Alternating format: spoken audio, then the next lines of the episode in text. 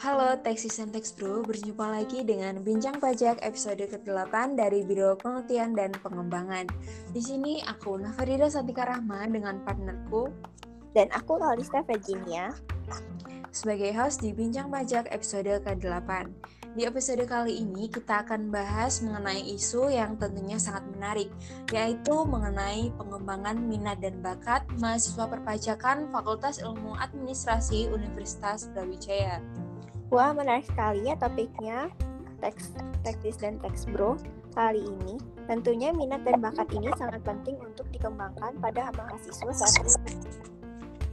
Nah, untuk lebih jelas mengenai topik kita kali ini, langsung saja kita akan berbincang dengan seorang mahasiswa program studi perpajakan Universitas Brawijaya, yaitu Saudara Aji Widya Firmansyah.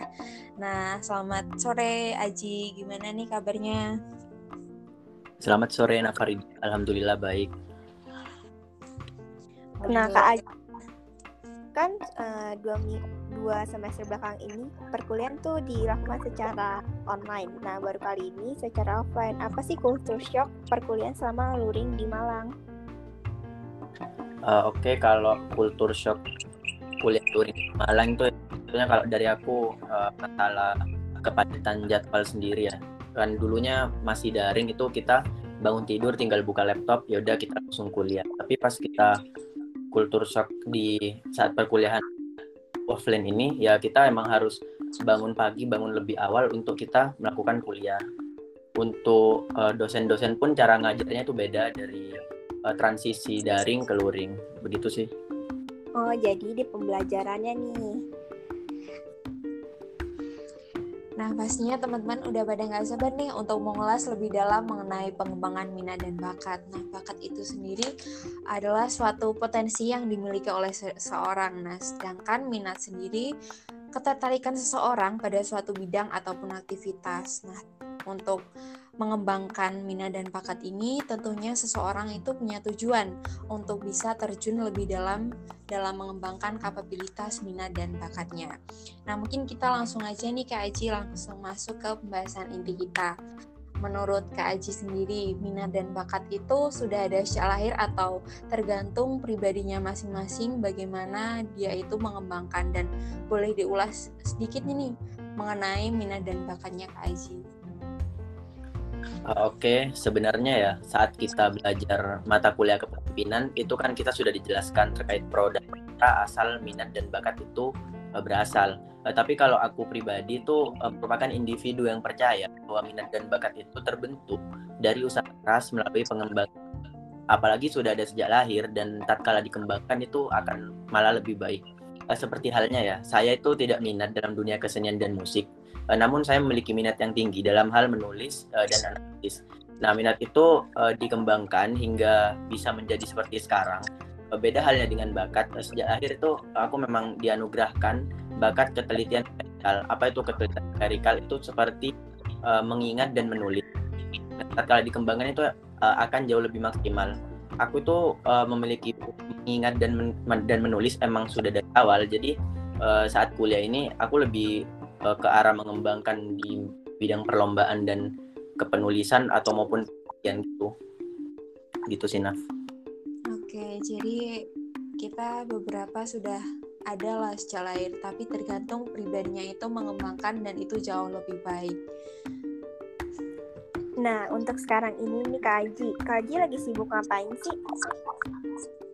Uh, kalau aku sekarang untuk akhir-akhir ini sih udah gak sesibuk dulu pas awal-awal perkuliahan ya. Soalnya kan lomba-lomba itu biasanya uh, ada di awal sampai pertengahan bulan. Nah di akhir ini udah gak terlalu ada sih lomba-lomba. Jadi semua lomba itu udah terlewati. Mungkin cuma sisa penelitian kedua sekaligus penerbitan jurnal bareng dosen sih. Singkatnya sibuk wawancara ke Direktorat Informasi Perpajakan, terus bikin jurnal sekalian diterbitin di jurnal Sinta 2. Selebihnya sisa kuliah dan kasih aja sih kayak KRS pajak 3, KRS pajak 4, penelitian area litbang dan lain sebagainya gitu. Wah, semoga jurnal-jurnal penelitiannya nanti bakal uh, berguna bagi semua orang ya Kak Aji. Nah, terus kita ke pertanyaan selanjutnya, apa sih motivasi Kak Aji untuk mengembangkan minat dan bakat Kak Aji? Uh, kalau aku sendiri ya punya tiga motivasi singkat sih. Sebenarnya kan motivasi itu uh, sesuai persepsi kita pribadi ya. Kalau kalau aku pribadi pertama itu aku tidak ingin menjadi pribadi yang terbelakang dan tidak berguna. Ke, karena ya aku sendiri paling takut gitu ada di posisi terbawa dan menjadi orang yang bodoh gitu. Jadi itu pasti pertamaku. Kalau yang kedua, aku emang ingin menemukan diri versi terbaik untuk membanggakan orang tua. Di mana kan aku uh, anak pertama bisa dibilang harapan keluarga lah. Jadi itu motivasi bisa memperkuat aku dari motivasiku yang pertama. Terus yang terakhir uh, tentunya ya sebagai mahasiswa motivasi kita ya tentunya untuk cerahnya karir di masa yang akan datang. Apalagi kan di masa-masa saat ini uh, karir tuh banyak mengalami transformasi ya. Jadi memang perlu inovasi terus perlu ambisi untuk mengembangkannya. Jadi kalau misal kita tidak mengembangkan minat dan bakat kita, maka kita akan uh, tergeser atau tergerus oleh zaman gitu kalau aku. Oh, jadi teman-teman semuanya, jadi motivasi Kak Aji untuk mengembangkan minat dan bakatnya itu terbentuk, terbentuk dari dirinya sendiri untuk menjadi lebih maju. Nah, bagaimana sih Kak Aji menumbuhkan ambisi-ambisi yang tadi dalam mendalami minat dan bakat kita? kalau aku pribadi ya orang yang takut berada di posisi terendah dan menjadi pribadi yang bodoh kan seperti yang udah tadi aku sebutin. Nah aku tuh dulu juga pernah diremehin karena kayak orang nggak tahu apa-apa gitu. Nah berada di seperti itu itu menurutku itu nggak enak. Hal itu sih yang membuat aku itu bisa ambisi mendalami minat dan bakat agar menjadi pribadi yang terbaik versi aku sendiri. Nah terakhir tentunya ya melihat kondisi aku sebagai anak pertama, harapan orang tua serta keluarga yang membuat saya ambisius dalam menda dalam mendalami minat dan bakat begitu. Jadi balik lagi ke orang tua ya Kak Aji. Mm-hmm. Nah, ini kan kita udah perkuliahan udah luring nih Kak Aji. Tentunya kita juga etik dengan tugas-tugas kuliah. Nah, Kak Aji sendiri gimana sih cara memanage waktu antara pengembangan minat bakat dengan kegiatan akademiknya? Oke, sedikit cerita aja. Kan jadwal sekarang ini bisa dibilang cukup padat ya. Jadi hal itu bisa membuat aku kesulitan sih dalam proses pengembangan minat bakat. Kan ditambah lagi ada tugas kuliah, ada UTS, UAS, terus project, penelitian yang cukup menyita waktuku. Nah, tapi aku tuh uh, sadar kalau 24 jam dalam satu hari itu waktu yang panjang. Jadi aku itu bisa ngembangin minat bakat di saat waktu senggang akademik uh, dengan mengorbankan waktu istirahat serta uh, bisa dengan kita membuat to-do list saja. Misalnya ya, ketika kita itu lagi free. Jadi uh, kita tuh bisa ngelakuin hal positif seperti membaca artikel, menulis, memikirkan ide dan lain sebagainya. Kan sekarang banyak gitu ya website-website seperti DDTC, Kompas dan lain. Nah, kalau untuk urusan akademik uh, aku simpel aja sih. Aku biasanya pakai jadwal malam dari jam 8 sampai jam 10 malam. Itu biasanya memang khusus sih buat tugas akademik. Baru ya kalau emang selesai masih ada waktu sisa aku tuh baru kayak game healing atau tidur tapi biasanya ya di kepadatan waktu-waktuku saat ini biasanya uh, aku tidur jam 12 jam 1 itu kalau kita emang pengen memaksimalkan pengembangan minat bakat sama akademik secara balance sih gitu. Oke, jadi cara Kak Aji ini benar-benar effort ya untuk merelakan waktu istirahatnya dan membuat to-do list. Nah, selanjutnya dalam pengembangan minat dan bakat ini, apakah orang tua dan lingkungan itu sangat berperan? Hmm, kalau menurutku ya, emang benar-benar sangat berpengaruh sih. Walaupun aku pribadi ya gak ngedapetin itu secara penuh dari peran tersebut. Nah, tapi orang tua itu bisa menjadiin aku itu sebagai motivasi dan pengarah ketika aku bilang arah dan mereka tuh juga bisa menjadi alasan terbesar kita untuk membentuk minat bakat dan e, mereka lah juga yang memfasilitasi kita melalui dana untuk mengembangkan minat dan bakat. Dan begitupun juga lingkungan ya kalau menurutku kalau kita salah salah ya udah habis udah semuanya. Kita hancur berantakan semuanya entah itu dari waktu atau pengembangan minat dan bakat kita. Justru ya lingkungan tuh menurutku berpengaruh besar melebihi orang makanya ya selektif aja. Jangan jangan mau digauli cari orang yang sevisi dengan kita. Uh, kalau enggak ya udah cukup kita jadiin teman aja. Tapi jangan sampai ikut-ikutan ke hal-hal yang konteksnya negatif gitu.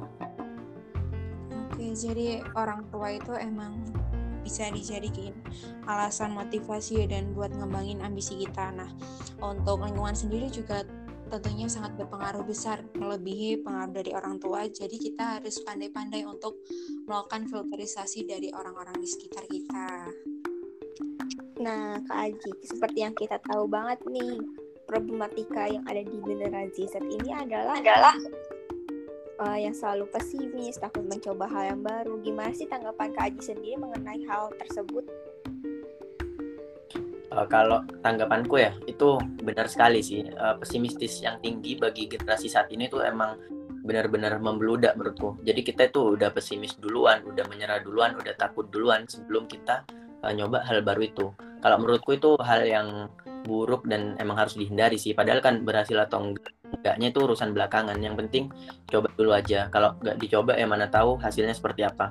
Apalagi kan untuk hal baru di era-era saat saat ini ya digitalisasi itu kan emang perlu. Kalau kita stagnan di situ ya kita nggak bisa jadi apa-apa. Minimal mulailah dari hal kecil. Nanti bakal jadi sesuatu yang besar juga kok. Kalau prinsipku sih itu lebih baik memulai walaupun gagal daripada uh, kita nggak pernah nyoba sama sekali.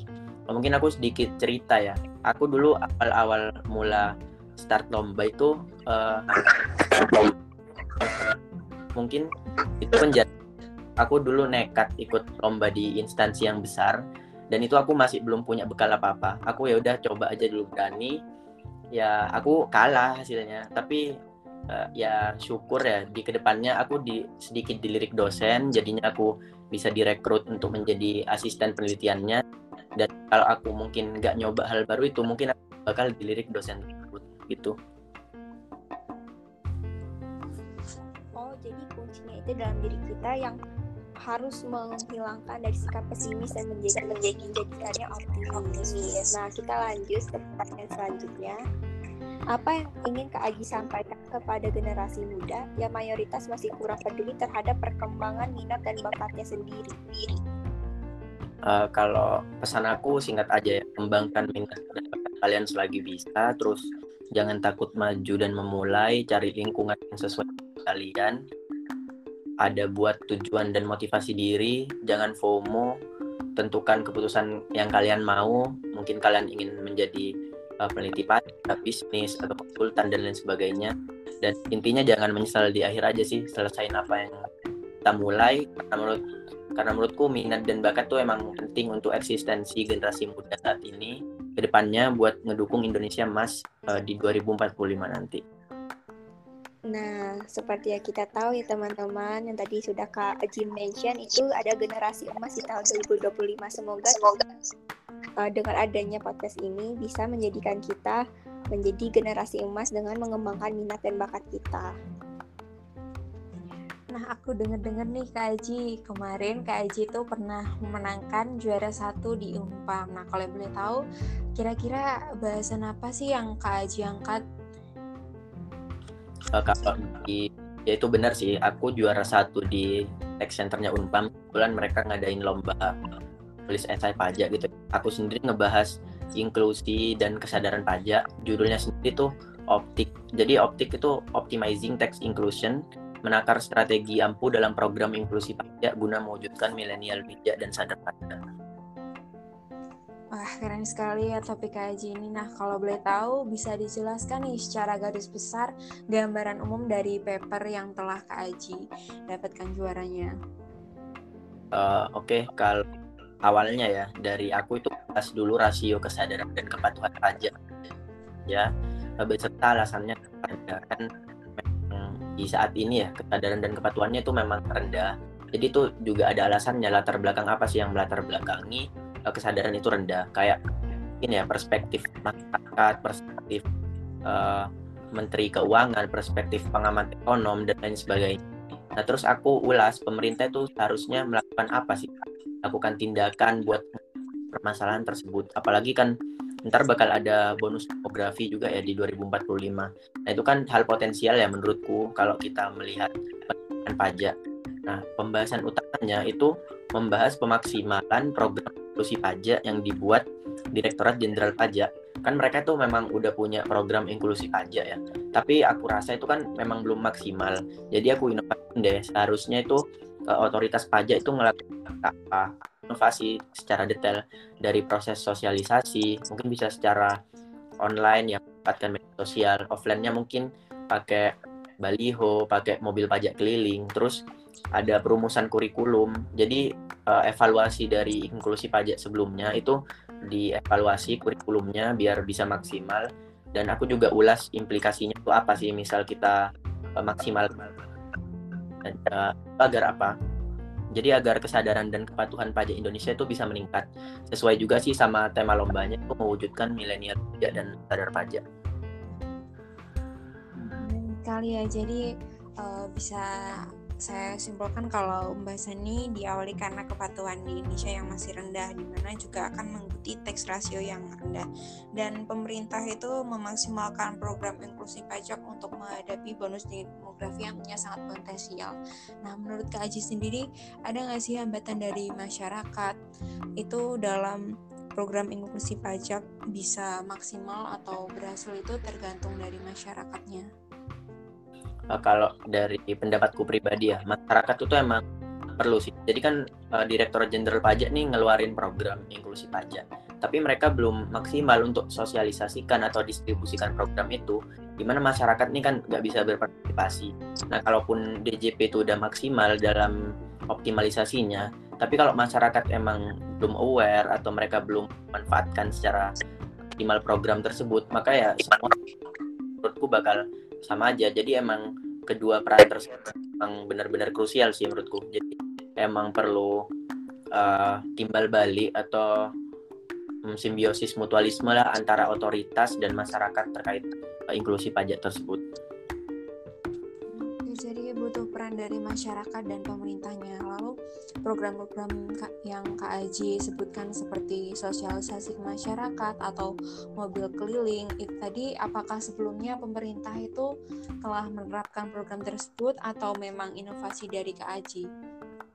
Eh, kalau dari aku sendiri ya itu inovasiku. Kalau mobil pajak keliling mungkin ada, tapi itu cuma setauku itu di pajak daerah ya. Itu buat pemutihan pajak jadi uh, pemerintah itu keliling buat ada program pemutihan pajak jadi masyarakat tuh gak usah langsung ke Samsat itu kan untuk membayar. Nah menurutku program itu juga perlu diterapin di pusat sih untuk uh, kita memperluas sosialis sosialisasi itu.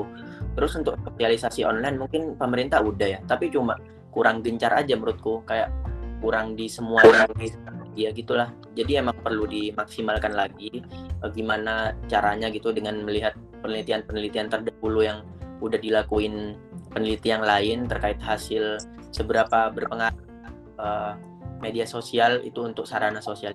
Jadi uh, itu emang murni inovasi sendiri.